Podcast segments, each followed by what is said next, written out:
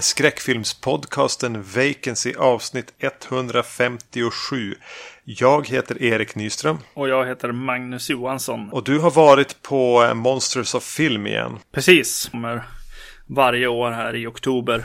Och en filmfestival i Stockholm då. Skräckfokus. Ja, precis. Eh, jag har inte varit på så många filmer i år, men jag tänkte ändå gå igenom och berätta vad jag såg. Mm. Först så var jag på invigningen där de visade... Och var det någon maffig öppningsfilm då? Eller? Ja, precis. Leatherface. Äh. Yes, Texas Chainsaw Massacre eh, prequel här igen. Jag vet inte. Hur förhåller den sig till, dem, eh, till remaken och prequelen till remaken? ja, det börjar ju bli jäkligt snurrigt nu, känns det som. Ja. Den eh, ingår väl där på något sätt, eh, rent estetiskt, eh, skulle jag väl säga. Eh, vilket börjar vara lite intetsägande nu för tiden, känns det som. Mm. Den var sådär, väldigt axelryckning. man får rösta efter man har sett filmerna på Monsters of Film. Jag gav den väl en snäll tvåa. Det är väl no någon som har sagt att den är lite mer som en detektivhistoria. Det de har gjort är att de har kommit på att de ska ha några twists i, i filmen som inte är, gör sig så, så värdiga egentligen. Det känns som en film som, som börjar en historia som bör egentligen bara leda åt ett endaste håll kände jag. Men eh, som tar några vändningar för vändningarnas skull på något sätt. Den, den öppnar på med en grupp människor som bör göra den här resan på ett helt annat sätt om man liksom följer vanlig dramaturgi, höll jag på att säga. Eh, sen var det ju, det är ju de här som har gjort Inside och Among the Living som har gjort den här filmen. Och eh, de gillar ju lite äckel och sådär. De bitarna var väl fortfarande lite sådär äckliga liksom. Någon gång kommer vi väl att prata om Texas Chainsaw Massacre-universumet på podden. Så vi får väl se hur många filmer de har hunnit upp i då. Ja, precis. Jo. Ja, vad såg du mer då? Ja, sen eh, ett par dagar senare så gick jag på den här. Ja, de har ju som en horror night som jag brukar prata om att jag går på. Och eh, med tre filmer. Och där blev jag alldeles för trött i år för att se sista filmen på grund av en industrifest vi hade på jobbet dagen innan. Eh, så... Du såg två av tre alltså? Ja, precis. Eller somnar du på sista? Jag var på väg på andra filmer så då var det lika väl och gå hem liksom. Eh, jag hade bara sovit tre timmar då. Eh, men hur som helst eh, så såg jag eh, Killing Ground, en eh, australiensisk eh, film om folk som jagar turister i Australien. Den var rätt, eh, rätt okej okay, faktiskt. Den hade ett roligt berättargrepp där de hoppade i, i eh, tid. Så man, man, var liksom på samma, samma plats med eh, flera personer som inte var där samtidigt så att säga. Och så sen var den ju liksom obehaglig och så. De här männen var ju inte, är ju inte trevliga män direkt. Det är lite Wolf Creek eller vad den heter. Ja, precis. Exakt. Men det här var ju lite mer eh, jordat eh, ja. än det. Ja, men det låter rätt spännande. Jag kommer ju att se, jag kommer ju att se Leatherface, det vet jag. eh, men det här kändes rätt trevligt. Ja, precis. Och, eh, sen så eh, fortsatte kvällen med en film som heter Ghost House. Med eh, hon Laurie Strode i re remaken. Ja, just det. Hon har något dubbelt efternamn. Just det. Hon och hennes eh, douchiga pojkvän och åker till Thailand och eh, möter liksom Thailand genom vita ögon och allt det mystiska som kan hända där. Ja, den är ju ganska främlingsfientlig på ett sätt, den här filmen. Det är väldigt mycket så här kulturkrocksskräck på något sätt. Eh, de gör en, en Japan-skräckis i Thailand med bara vita skådisar. Vad märkligt att göra en åh vad läskigt det är utomlandsfilm i ett av de mest besökta länderna. Ja, precis. De får så här hjälp av gamla medicinmän och så där. Står det någon gammal, gammal mormor, tandlös mormor mormor och laga mat och prata thailändska med dem och bryr sig inte om att de inte förstår. Ja, precis. Det handlar om, om att, äh,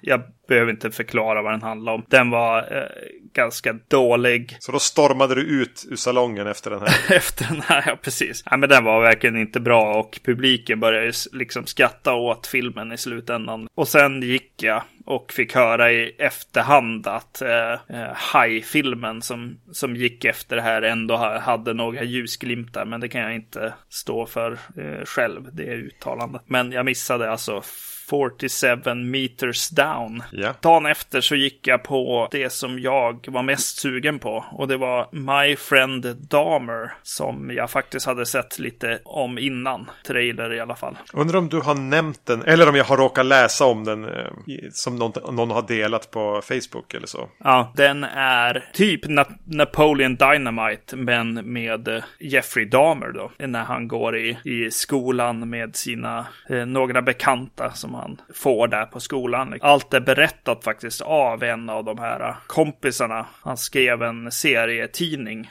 som hette My Friend Dahmer som är det som vi får se här då. Och eh, det ter sig väldigt, väldigt mycket som en Napoleon Dynamite men med eh, lite mer då mörker. Men är den rolig alltså? Jo, men den är väl rolig. Det är ju som ett eh, drama, men det är ju alltså de det är ju mest deras hyss och sånt där och, och lite så här hur kufig han är. Tänk Napoleon Dynamite fast att du skulle veta att han sen skulle bli mm. seriemördare. Det var det jag tänkte på. Det, det hela ligger egentligen att man vet vem han blir sen. Exakt, yes. Det är inte så att han, han äter upp någon vaktmästare eller någonting. Eller Nej. skär huvudet av någon eller så. Nej, precis. Man djupdyker lite i hans intresse av vad som finns på insidan av både djur och människor och sånt där. Och så får man se hans familj falla samman. Det låter ju jätteroligt. Nej, men den, den har någon, någon skön så här indie, indie-drama-känsla ändå. Jag blir, inte, jag blir inte omedelbart sugen på att se den, men... Nej, kanske inte. Men den var nog det bästa jag såg i alla fall. Och sen Killing Ground, Leatherface och Ghost House i den ordningen liksom. Mm. Kunde liksom inte hata Leatherface som jag trodde att jag skulle när jag var på väg in i den. Men det var förmodligen därför. Låga förväntningar hjälper filmen. Ja, precis. Jo, men inte manuset. Du brukar se fler filmer va? Bara du blir gammal. Ja, precis. Och så såg inte utbudet så bra ut. Förutom att de, de visade ganska mycket gammal film. Alltså Hellraiser, Dawn of the Dead.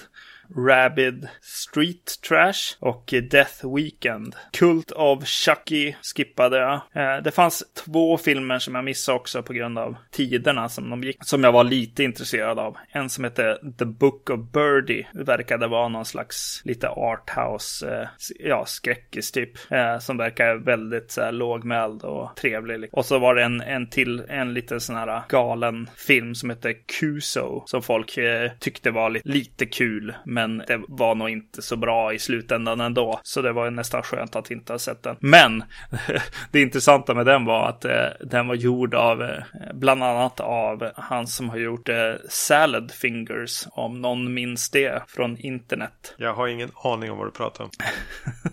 det är en gammal Flash serie eller Flash-film när Flash fanns. Säkert någon av våra lyssnare som eh, nickar instämmande. Jag har ingen aning om vad det här är. Nej, jag vet inte ens vad Flash är. Så det... nej, okej. Alltså en superhjälte. Nej, nej ett program.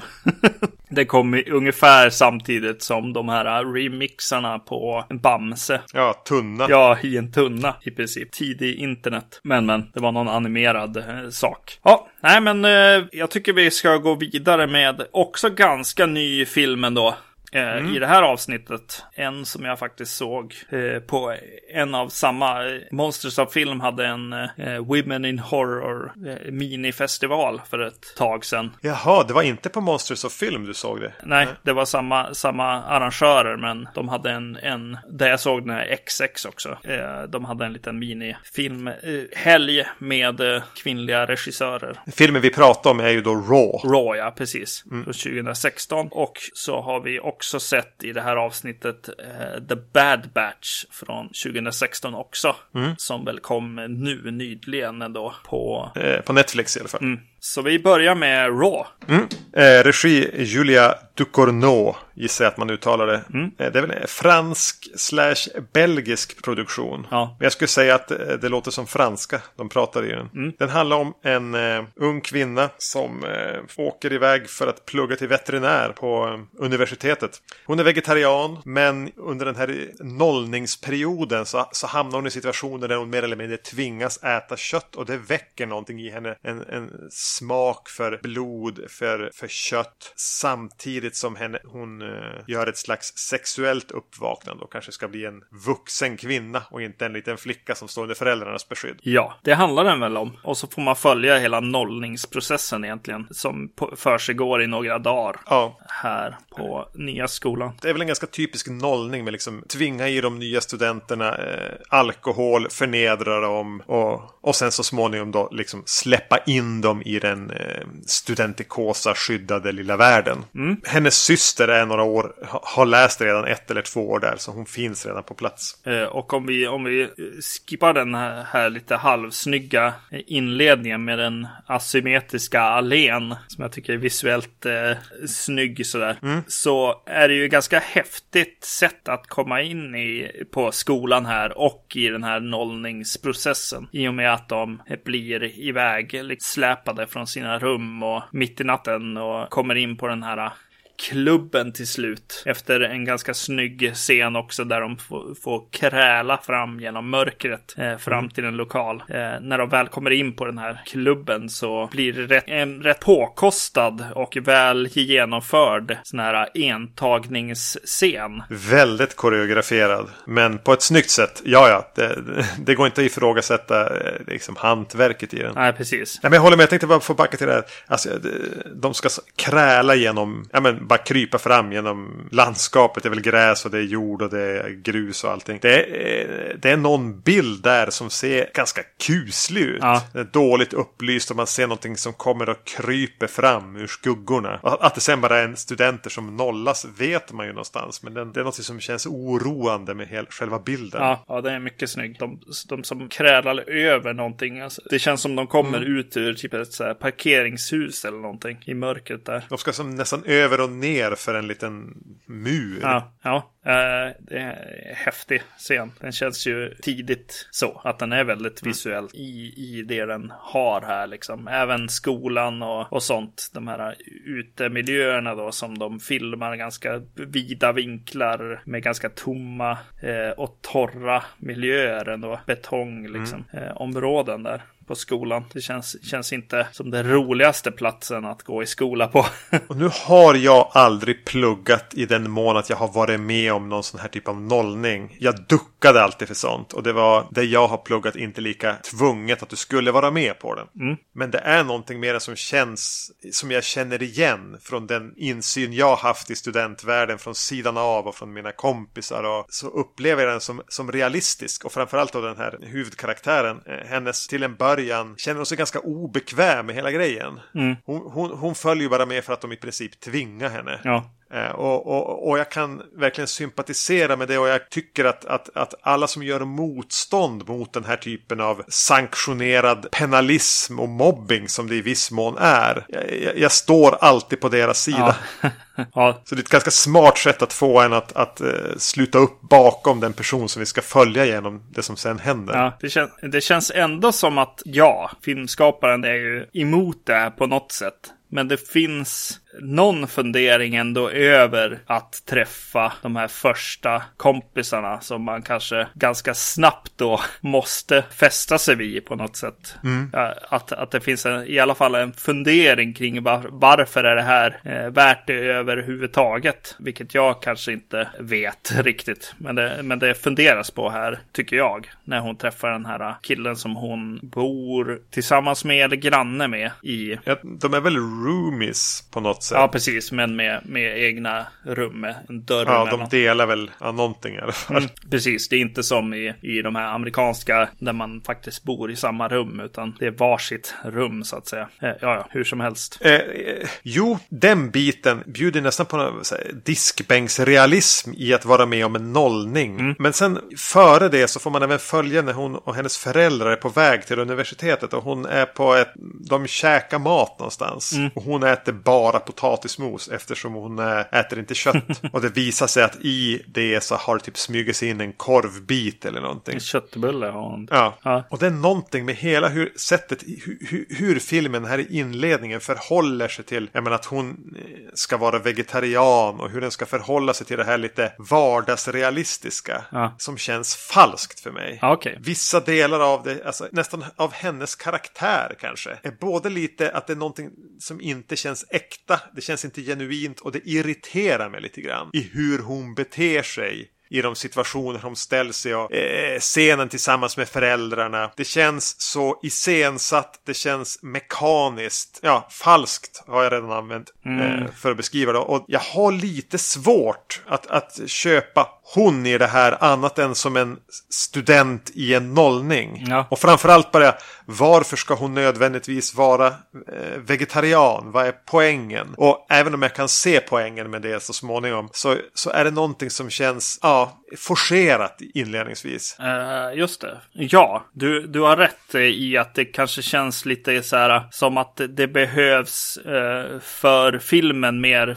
än för hennes karaktär. Det är inte, inte sant uh, henne eller hennes föräldrar egentligen, utan det, det, scenen är för mekanisk och, och viktig rent storymässigt snarare än, än karaktärsmässigt kanske. Ja. Men jag läste det ju som att hon har blivit ganska hårt indoktrinerad indoktrinerad med att vi äter inte kött i den här familjen. Det en... Jo, det blir ju en poäng när man har sett hela filmen också. Ja. Och, och även det, det, det, det, ligger inte naturligt. Nej, inte, inte lika naturligt som mittpartiet av eh, filmen på något sätt. Nej. Nollningshistorien och hela hennes för, förändring liksom. Uppvaknande eller vad vi ska kalla det för. För det är ju någonting, den här filmen är ju, jobbar ju ganska symboliskt. Mm. Eh, och under första halvtimmen så har, eh, när det är eh, relativt vardagligt och realistiskt så fungerar inte riktigt symboliken lika bra som den sen gör när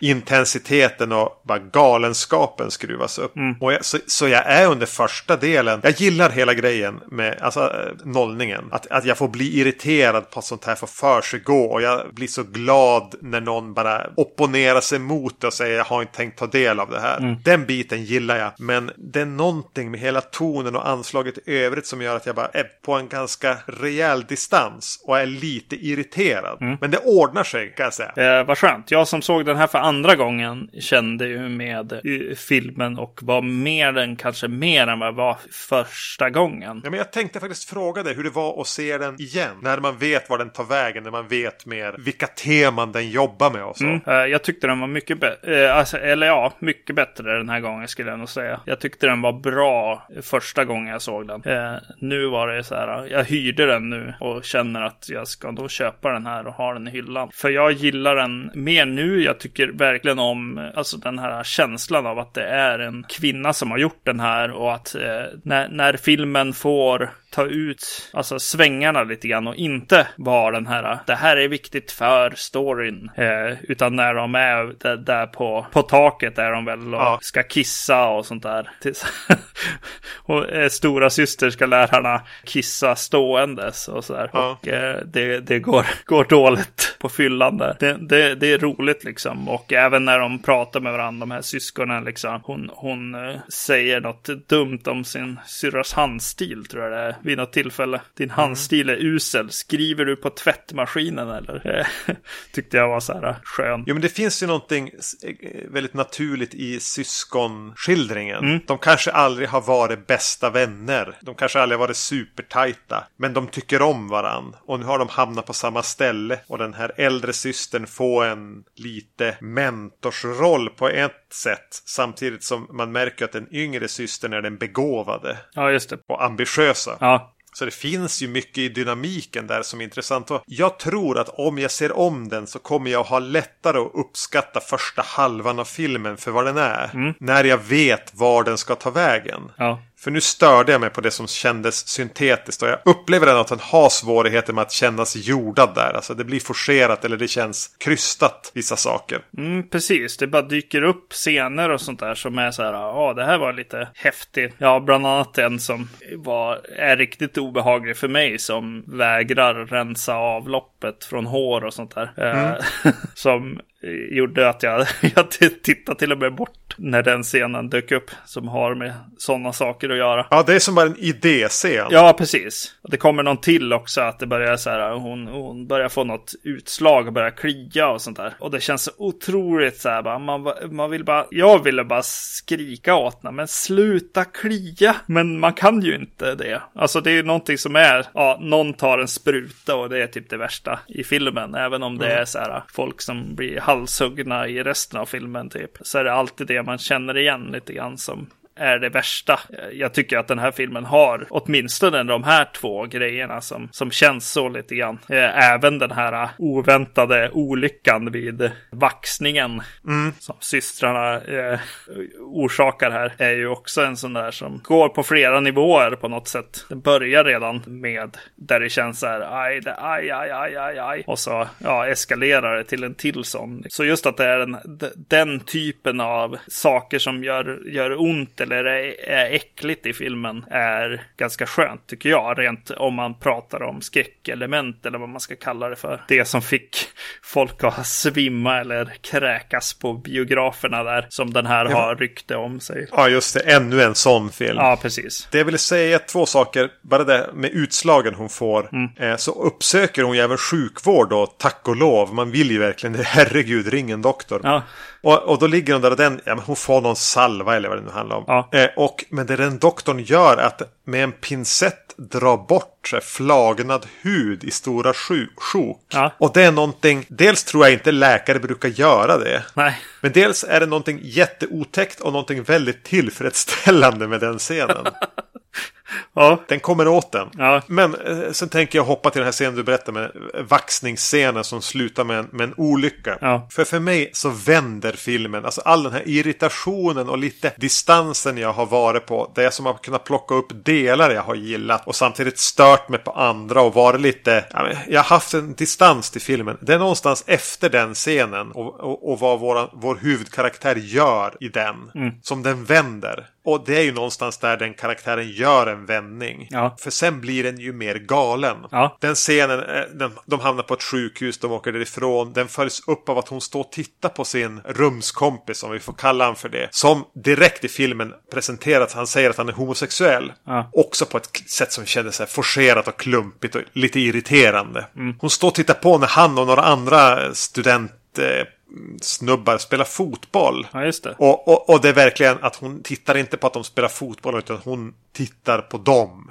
och på deras och på han och på deras kroppar. Mm. Och står bara där och frustar av kåthet i princip. Ja. Och, och, och sen kickar filmen igång för mig. Mm. För eh, då någonstans hon har fått smak för någonting och fått ett begär och gör det här uppvaknandet som kvinna kanske. Ja. Som en sexuellt aggressiv kvinna. Mm. Så det kommer bara scener på rad där. Det är den scenen. Det är någonting när hon står framför en spegel och dansar först. Just det. Som är så här, magnifik scen. Ja. En av de bästa scenerna. I, kanske det, min favoritscen i filmen är när hon står framför en spegel. Ja. Eh, och så kommer bara det här galenskapen på rad som bara skruvas upp och skruvas upp och skruvas upp mm. på ett sjukt härligt sätt. Ja. Och då är jag bara, nu är jag med till 100%. Det var hit jag ville. Ja. Eh, så här med, med i backspegeln kan man väl som se att de har ju lagt saker i ordning för en att bara få åka med på det här. Ja. Schysst soundtrack. Ja, även. precis. Just det. Schysst musik har jag skrivit exakt så. Ja, samma ord i mina ja. anteckningar. det, det är skönt, definitivt. Alltså, du har säkert rätt att jag tar mig igenom den här äh, öppningen och sånt äh, i backspegeln lite. Jag vet vad som är på väg och sånt där. Och eh, gillar de här delarna också och får djupdyka lite i en del av de här eh, scenerna liksom, som har kommit tidigare än det här. Liksom. Och så får man rent filmtekniskt och berättartekniskt fundera lite och se så här symboliken och allting. Som när hon mm. är där under, under täcket och börjar skrika och sånt där. Som att hon föds liksom ur en, alltså det är som att de, de filmar henne i livmodern på något sätt där. Och vänder och vrider sig men alltid i någon någon slags fosterställning där. Ja, det är en häftig scen också. Nej, jag, jag gillar den här och definitivt mer nu än förra gången jag såg den. Jag tycker ändå att vi måste stanna upp vid Garange Marilien som spelar huvudpersonen. Mm. Född 98. Det var året när vi gick ut gymnasiet. alltså hon var 17-18 när hon spelade in ja. den här. Och vilken vilken jävla prestation ja. det är. Dels äh, utvecklingen som hon går igenom under filmen. Ja. Och den är ju väldigt utlämnande. Både alltså, fysiskt och mentalt ska ja. vara. Jo, hon är riktigt bra. Det är ju inte subtilt. Men hon blir ju samtidigt inte pajig i något slags överspel. Nej. Och hon skådespelar ju verkligen med hela kroppen. Det är en väldigt fysisk process hon går mm, igenom. Precis. Eh, jag tycker att det är lite synd med såna här prestationer. För det är ofta liksom, alltså för att syrran är ju också bra, men hon är ju proffset här känner man ju. Eh, ja. hon, har, hon har varit med förr och kommer att vara med i betydligt mer film än den här skådespelerskan. Får du lite så här fish tank-vibbar? Jag börjar tänka på den här Blue is the uh, warmest color. Där, där jag blir lite så här, men, men huvudpersonen då? Eh, vart ja. är hon liksom? Medans... Uh... Varför får inte hon göra Bond? Nej, men exakt. Det blir, blir lite så.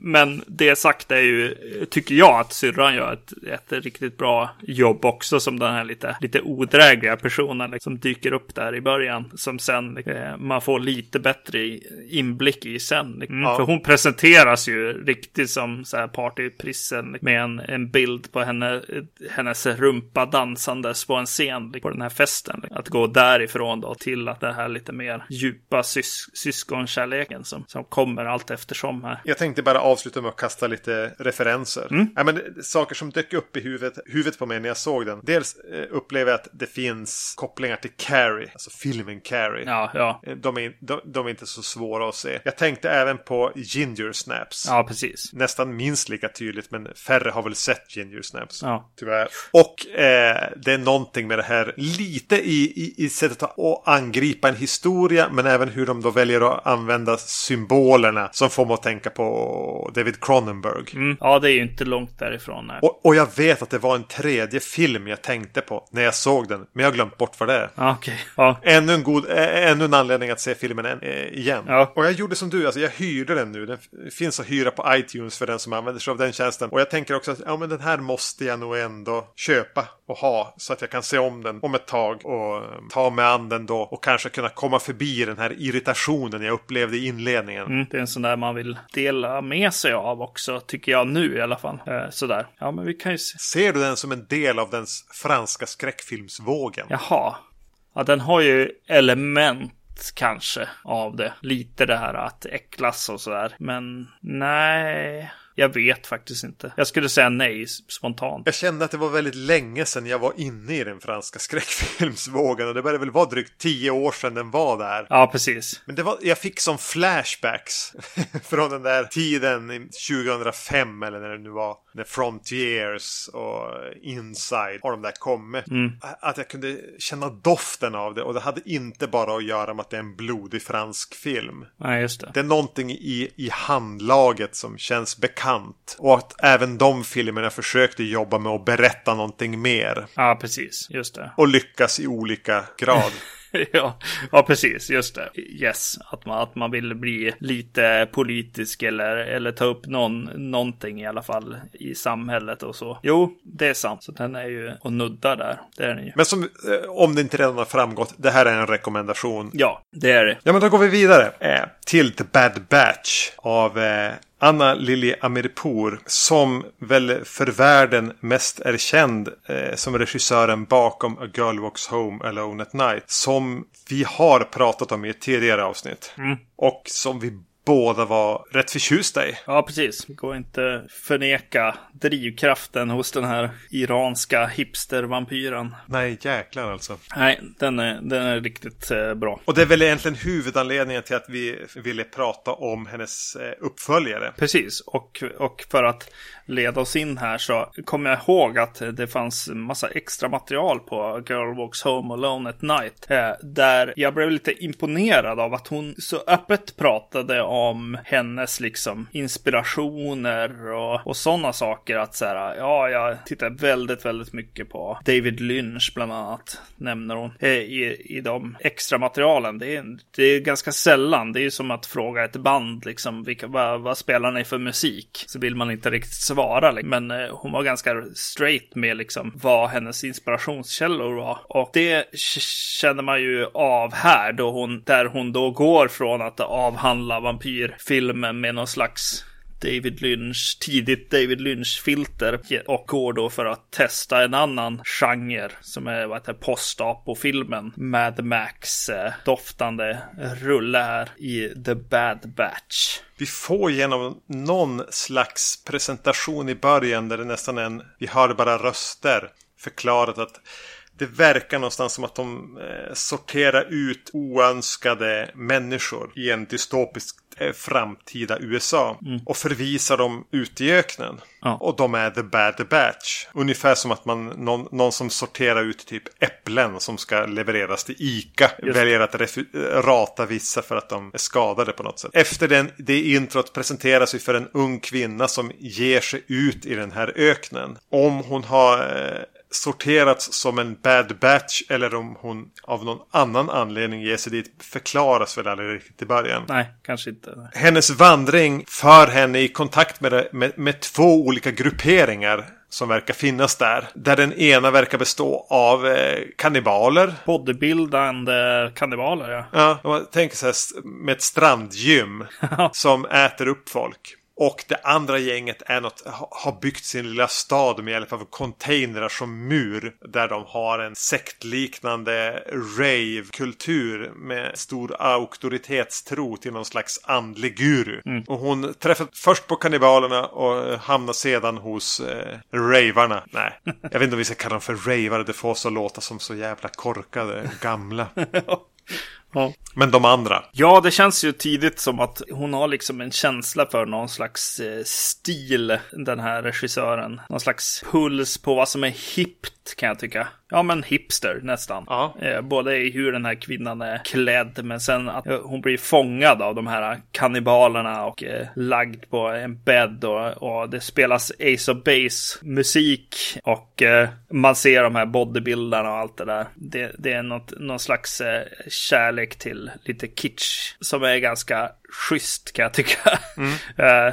Särskilt i det här campet. Och sen hur det eskalerar ganska snabbt till att man börjar inse att hon är inte bara fast där i, i kedjor för det vanliga liksom, våldtäkt eller så. Eftersom hon ligger liksom på en eh, madrass i kedjor. Liksom, tror ju att någonting sånt ska, ska hända. Men eh, ganska snabbt så tas, tas det fram en eh, såg och eh, hennes eh, arm och eh, sedan ben blir avsågat. Och noggrant ihopsytt för att de vill hålla köttet vid liv. Eh, häftig, häftig scen då tycker jag. Och att, man, att det är så tydligt är den här karaktären som vi ska få följa ändå eh, genom den här filmen. Och de gör, eh, och det görs inte jättestor grej av att såga av huvudkaraktären en arm och ett ben. under första kvarten. Det är ganska krast konstaterat att det är så det får bli. Ja, precis. Av henne också. Så att det känns ju lite grann som att när hon börjar springa därifrån från deras, eh, är det en golfbil som mm. hon blir jagad av. Eh, så, så, så vet hon redan där egentligen vad som kommer att eh, hända henne. Det är bara vi som inte riktigt vet det. Så, så det in, hon infinner sig liksom i vad som händer ganska, ganska snabbt själv. Liksom. Man skulle kunna gjort det här med mer traumatiskt för huvudkaraktären att få en helt annan person här på något sätt. Men hon hålls mm. ganska tuff eller ja, uppgiven på det där liksom konstaterande sättet att ja, nu blev det så här. Ja, att hon var någonstans förberedd på det och visste vad hon gav sig in på. Och gör att för mig hålls det så hela tiden i dunkel var, vad hon gör där. Om hon hör till de utsorterade. Eller om hon är där för att leta efter någon. Ja, okej. Okay. Jag var mm. där någonstans i mina funderingar kring filmen. Någonstans målade jag upp att men hon ska leta efter sin bror. Jaha. Och det har jag bara byggt på filmens första minuter. När hon knatade in där. Tänkte du direkt att hon hade fått sin dom och skulle bara ut i öknen eller? Ja, så, så tänkte jag. Men alltså hon lyckas ju fly därifrån också i en, i en scen som är jäkligt häftig. På något sätt ändå. Att så här, oj vad jobbigt. Och tänk om de måste göra någon omtagning och sånt. För hon liksom krälar ju där liksom. Därifrån i princip. Fram till en skateboard såklart. Ja, ja. Som, som hon eh, försöker rulla därifrån med liksom på något sätt. Att ändå ta sig iväg med i den här ökenhettan. Det är något som är jäkligt tufft här liksom. Ja, och då är hon enben och enarmad. Ja. Så hon får ju som krypa fram på den här. Ja, det är häftigt och hårt på något sätt. Sen så börjar hon ju... Va, vad händer? Jo, just det. Hon blir upplockad av en... Sand people, typ. Av sand people. Någon, någon så här enstöring liksom där ute i öknen. Som eh, lastar upp eh, henne på hans eh, vagn. Och kör henne till Comfort. Comfort, ja. Det är den här ja. staden innanför containrarna som jag pratade mm. om. Eh, som verkar vara relativt civiliserat i det att de har bekvämligheter. Ja, precis. Frugan som jag såg, såg filmen med frågade hela tiden. Men vem jobbar? Hur får de maten? Hur... Ja. Det är no någonting som är otroligt bekvämt och inte kannibalistiskt. Nej, här. och det är ju lite oklart och jag tror att det är en del av poängen. Ja. Att de flesta verkar bara skrota runt där och dansa på kvällarna och hänge sig åt, vad heter han? The Dream. The Dream, spelad av Keanu Reeves. Ja, precis. Som är den här sektledaren, någon slags frireligiös guru som har roffat åt sig en massa fördelar och ja, men, eh, även håller ett litet tal medan de tar droger och, och dansar. Mm. Ja, det är ju en riktig sektledare här som har kommit till det här stadiet där det är riktigt bra att ha sex med alla sina undersåtar. Mm. Och han pratar väl lite grann om att han är den som håller, tar undan all skit. Tack vare honom så kan de har det här livet. Och exakt vad det är som för sig går bakom kulisserna får man ju aldrig riktigt veta. Nej, precis. Eh, jag tycker att Keanu Reeves är bra i den här rollen. Alltså. Jag har svårt att se någonting annat än Keanu Reeves. Ja, precis. Eh, jag tror att det är, man får ju kasta istället liksom. och eh, jag tycker han funkar i, i den här rollen. Ja. Eh, alltså mer än i, han är ju med i The Neon Demon också. Mm. Där, där jag tycker att han funkar sämre. Men man kastar ju Keanu Reeves liksom. Och det är kul att se han i den här typen av, av roll. När hans filmer ändå ofta är de här existentiella liksom sci-fi filmerna. Och då är det ganska skönt att ha honom som gurun här på något sätt. Det är nästan så att det skulle kunna vara Keanu Reeves själv som är den här gurun. Är det inte lite så? jo, precis. ja, det är kanske därför han passar så bra i rollen. Ja. Eh, enligt mig då. Eh, och när vi presenteras för Comfort här och, och, The Dream och hur, hur den här världen ser ut så är det ganska mycket musikvideo-collage. Mm. Eh, och jag upplever att det är ganska mycket med The Bad Batch som handlar om att vara i den här världen. Vi fick det här eh, muskelbyggarna med sitt strandgym som även äter upp dig gänget. Och sen eh, ganska snabb transport till, till eh, knarksekten. Man får, man, man, man, får lite känsla av den här eh, Neil Marshall-filmen Doomsday. Länge sedan jag såg den, så jag vågar inte säga ja eller nej här.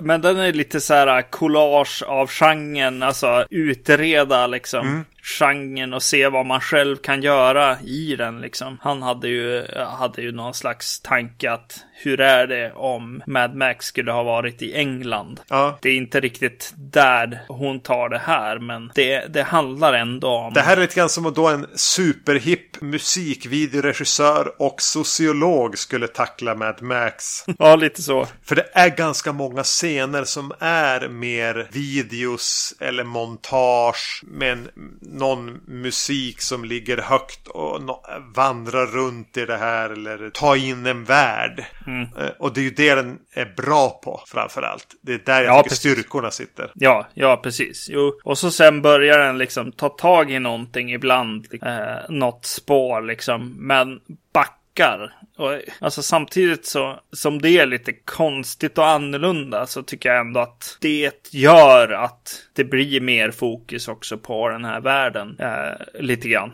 Att mm. hon, hon får ju för sig att eh, gå ut och bli någon slags eh, hämnare. Ja, men en behagligt förvirrad hämnare. Ja, precis. Och eh, ja, det blev inte riktigt rätt på något sätt. Så, så, så det vänder liksom och, och blir något annat av det och sådär. Och eh, sen så när det ska i vanliga fall då blir liksom att så här, ja men hon möter, hon hämnas på en person och möter dens, eh, ja men kar helt enkelt. Mm. Och då tänker man att rollerna ska vändas liksom och att det ska bli lite västernkänsla, eh, vilket det ju i och för sig blir på ett sätt. Men ja, nej men den, den tar aldrig riktigt tag i de här kon konventionerna på något sätt, utan den. Ja, men den väljer ju alltid hellre försoning än konflikt. Ja, precis. Vilket är lite skönt med filmen ändå. När man tänker mm. på den kanske. Mer än när man ser den, kan jag känna. Hon bestämmer sig för att ta hämnd på en person, tar den av daga. Och vi presenterar sen för den mannen till den kvinnan som hon tar av daga. Mm. Och, och, det finns även ett barn med här. Så det blir ju eh, ganska äh, infekterat ganska snabbt. Mm. Äh, men man upplever samtidigt att, att hämnden aldrig är det viktiga här. Utan att försoningen är någonstans det viktigare. Eller att... Mm. Men det handlar ju om att hitta en plats att höra hemma på på något sätt i det här konstiga stället. Konstiga, konstiga platsen. Mm. Jo. Eh, och jag tänkte att jag, jag, vill återkomma lite grann till vad den här handlar om. Och, och att hitta sin plats är en ganska viktig slutpoäng. Mm. Men innan det, jag gillar att vara i världen. Jag gillar de här montagen när vi får, får musik och bara de som vandrar runt och tar in och tittar på ökenlandskap eller på konstiga städer där de dansar i neonljus. Och man kan känna att det här är låg budget som är ganska smart använt. Mm. Tyvärr så öppnar ju karaktärerna käften ibland. Ja. För jag upplever, alltså Suki Waterhouse, det är någon brittisk eh, modell slash skådespelare huvudrollen. När hon haltar runt med sig utan en arm och med någon, med någon benprotes och de här gula shortsen med en smiley på. Ja. Så är det en, en häftig gestalt. Men så fort hon ska hantera en replik så vill jag nästan gräva efter skämskudden. Jason Momoa spelar då hennes, inte nemesis, men hennes i någon mån mannen som hon ställs på någon slags kollisionskurs. Mm. Han är väl för mig mest känd som eh, Conan i den ganska sorgliga försöket till remake på Conan the Barbarian. ja. Här får han liksom frodas i alla sina muskelbyggarmuskler och ibland ha ett par glasögon. Ja. Även han i det liksom när han bara är ett par svällande biceps och ett lite svettlockigt hår. Ja men visst, han, vill ha åt, han, han, han har ju också ett ganska tydligt syfte vad han vill. Han vill få tillbaks en person. Mm. Men så fort han ska säga någonting så känns det som Sina Warrior Princess. ja. Och det är hela tiden problemet. De här är så viktiga och så fort de säger någonting så vill jag bara shh, tyst. Prata inte. Mm. Säg inget. De kan inte leverera det. Nej. Eller? Nej, men nej, så är det väl. Eh, och eh, ja, det är ju lite synd eh, på något sätt. Jag tycker ändå att hon liksom hanterar de här kvinnorna, även i A Girl Walks Home Alone at Night, på ett bra sätt de blir häftiga karaktärer på något sätt. Men du har ju, ja, ja du har rätt. Eh, och sen så tänkte jag på en scen där Jason Momoa får eh, lite problem. De har skrivit en för konstig scen åt honom, eh, bland annat. Han har, han har just hittat sin, sin i, i princip fru då, dödad. Och så sen så stöter han på den här eremiten eller vad det är, enstöringen ute i öknen och försöker få information från han. Och den här enstöringen ber honom måla av honom. Ja, som i utbyte mot en information som han sitter inne ja, på. och hur ska en skådis Alltså vilken som helst behandla den här scenen nu. Är det inte en väldigt, väldigt konstig situation? Att skådespela sig igenom, att sätta sig in i på något sätt utan ord också. Mm. Ja, det blir, det blir, det är nästan lite taskigt. kan jag tycka. Ja, särskilt för en som Momoa som ju känns mest som en wrestlare. ja, jag tänker på allt som en surfar, surfar dude eh, mycket. Ja, lite för, lite för mycket vad heter det, bröstmuskler och biceps för det. Ja. Men han känns ju inte som en skådis. Han känns ju som någon som är bra på någonting annat. ja. Och råkar vara lite, lite hip. Ja, precis. Jo. jo, han har nog ett bra liv. Känns det som. Det känns som det har varit hans yrke fram tills att han helt plötsligt fick någon, någon roll någon gång. Liksom. Men du, jag måste bara fråga när du nämner eremiten. Ja. Du har kollat upp det här va? Jag har koll på att det är Jim Carrey. För det såg jag. Ja, nämligen. för det hade inte jag förrän jag läste eftertexterna. Jaha, okej. Okay. Jag, jag tittade inte så noga på eremiten. Det gjorde jag inte. Men jag hade ingen aning. Nej, okej. Okay. Nej, just det. Såg du det direkt eller visste du det? Ja, jag visste det innan och såg det också. Men det är ju för att jag har sett han mycket i skägg och sådär. På... Ja, nej. Eh, du kanske ser fler Jim Carrey-filmer än vad jag gör. Men jag fick ett minne samtidigt. När jag läste att det var Jim Carrey så fick jag en flashback från någon gammal MTV Awards. Just det. När han såg ut ja, sådär. Just det. Och det här är ju 15 år ja. sedan. Han, han gjorde ett skämt av vad han sen blev. Det är väl bara värt att nämna. Ja. Han har ingen replik. Han är, han är även stum den här. Ja, nej men han är väl bra i den här. Eh, det är ju någonting härligt också. Jag, alltså jag vet inte. Jag, jag tycker hon ändå är duktig är, regissören och, och, att hon har skrivit och sådär. Jag, jag gillar ju, jag personligen gillar ju när ställen till exempel heter Comfort. Det är ganska enkelt på ett sätt, men det blir ju väldigt skönt på något sätt. När det blir så här så enkelt skrivet som att någon säger so here's what you do. Leave comfort. Leave your comfort. Det, jag, jag tycker sånt är snyggt ja. Ja, men det leder väl lite grann in på vad den här vill prata om. Som jag satt ändå ja. och försökte fundera på. Att de vill ställa liksom de här kannibalerna, gym, strandgymfolket som har accepterat världen mm. de lever i för vad den är. Att det är en grym plats och de är beredda att äta upp an andra människor ja. för att kunna ta plats här. Medan de som flyr in i comfort, som är den här knarksekten med en stark mm. auktoritetstro, på något sätt lever i en drömvärld där man visserligen mm. är ganska snäll med varandra. Men man, man eh, har samtidigt lagt all sin tro till någon annan och man tar droger och man bara dansar. Så man, man, man, är ju inte speciellt medveten mm. om sin omgivning. Det är roligt att du nämner det nu för han heter ju The Dream också. Du säger drömvärld. Alltså ja, det är, det är ja. enkla knep liksom. Och eh, i den här, i Comfort också så har de så fantastiska så här skyltar också som, som säger hur trevligt det är på ett väldigt otrevligt sätt på något sätt.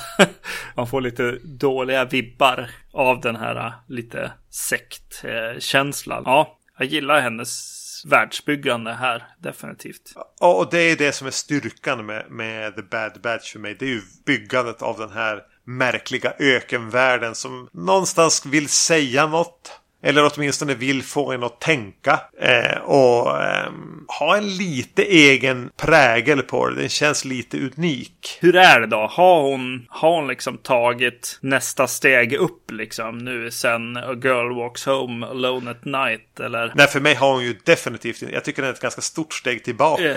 Jag med. yes. För det här är... Eh... Det känns som vi, sit vi sitter och, och försöker pumpa upp den här filmen liksom. Ja, vi vill kanske tycka om den mer än vad vi ja. gör. För som jag säger, det är svårt att uthärda när karaktärerna pratar med varandra. Mm. Det är en ganska sömnig och alldeles för lång film. Den är nära nog två timmar. Mm. Och storyn som finns att berätta är ju 15 eh, minuter. Ja. Och det sker ingen alltså, karaktärsutveckling att prata om. Om man nu ska vara inne och gräva i den där typen av dramaturgiska tropes. Mm. Utan den fungerar ju när den, när den låter oss bara vandra runt i världen. Mm. Den fungerar definitivt inte alls när den karaktärerna ska interagera med varandra. För hon har använt sig av alldeles för kackiga skådisar och in, ingen riktig förmåga att hantera dem. Och den är väl bara OK när den ska förmedla någon, någon slags tematik. Mm. Jag är inte jättesåld på det, det den vill prata om ens. Eller vill att jag ska sitta och grubbla på. Nej, precis. Och Hipster Kitchen är väl sådär. Ja.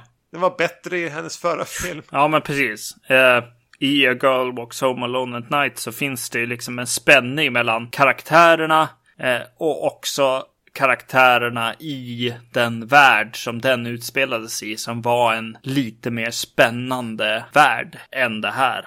Eh, så... Bara värld och lite, lite, lite karaktärer. Mm. I den var det mer 50-50. Ja, precis. Eh, men eh, vad tyckte du om avhuggna armen-effekten då? Alltså när hon går runt med en avhuggen arm. För Anna Lille Amirpour har ju sagt att hon inte tycker om CGI utan hon vill göra allting praktiskt. Ja, just det. Någonstans halvvägs in i filmen tog jag en paus. För jag, livet ser ut så. Jag kan inte alltid se filmer i ett streck. Och någonstans däremellan råkade jag ju då bli för nyfiken på att läsa om filmen och läste just det att hon ville använda sig av praktiska effekter. Så att de har varit noga med kameravinklar och bla bla bla. Så när jag väl hade förstått hur jag skulle titta efter det så, var, så kunde jag ju se att det var ungefär hur de hade gjort. Men jag måste ändå säga att jag är lite imponerad av det praktiska hantverket de har gjort. Ja, alltså det låter ju helt sjukt om det skulle vara praktiska effekter och den här skådespelerskan har en arm där. Det tänkte inte jag alls på. Någonstans har hon en arm och de har varit väldigt noga med valet av kameravinklar.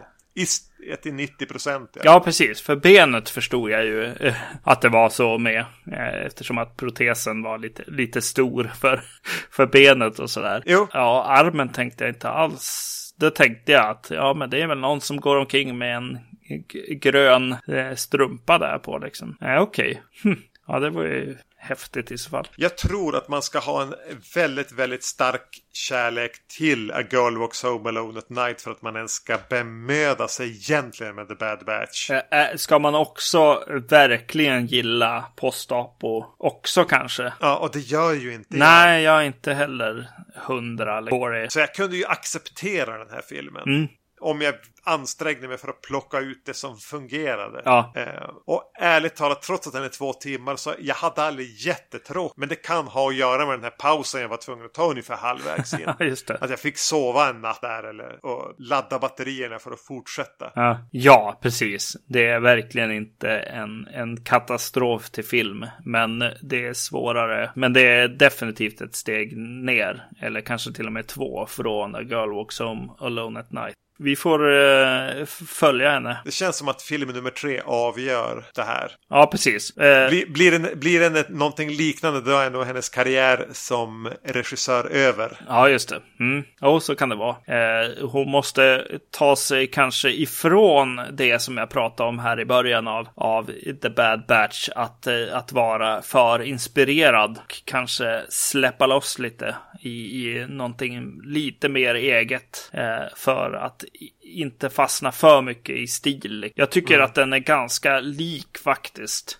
Eh, Neil Marshalls eh, film på det sättet. För det var ju på något sätt hans neder lag också på något sätt. Eh, vad heter den? Eh, Doomsday. Doomsday, ja precis. Ja. Att det, det, blev lite för, i hans fall kanske lite för stort och eh, för, för inspirerat helt enkelt. Ja, för nördigt på ett sätt. Ja, precis. Och, eh, det är nära på här och jag, och jag är lite rädd att nästa steg blir ännu mer bara inspira, inspirerat. Eh, Medan jag kände att, att hon kunde ta det till något mer unik. Ja, men hon har en bra känsla för stil. Ja, definitivt. Men vi har sett det nu. Och ska du fortsätta att göra filmer som är så beroende av stil behöver det vara något som känns mer unikt.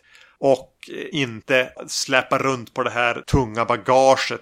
Tröga repliker och skådespelare som inte riktigt kan hantera dem. Mm, nej, precis. Utan, men det ska bli kul. Jag ser fram emot en tredje film. Mm. Och vad, vad vi får då. Om hon nu gör en tredje film. Men eh, än en gång, Raw är en, den varma rekommendationen från avsnittet. Helt klart. Och, eh, och A Girl Walks Home Alone at Night. ja, tyvärr.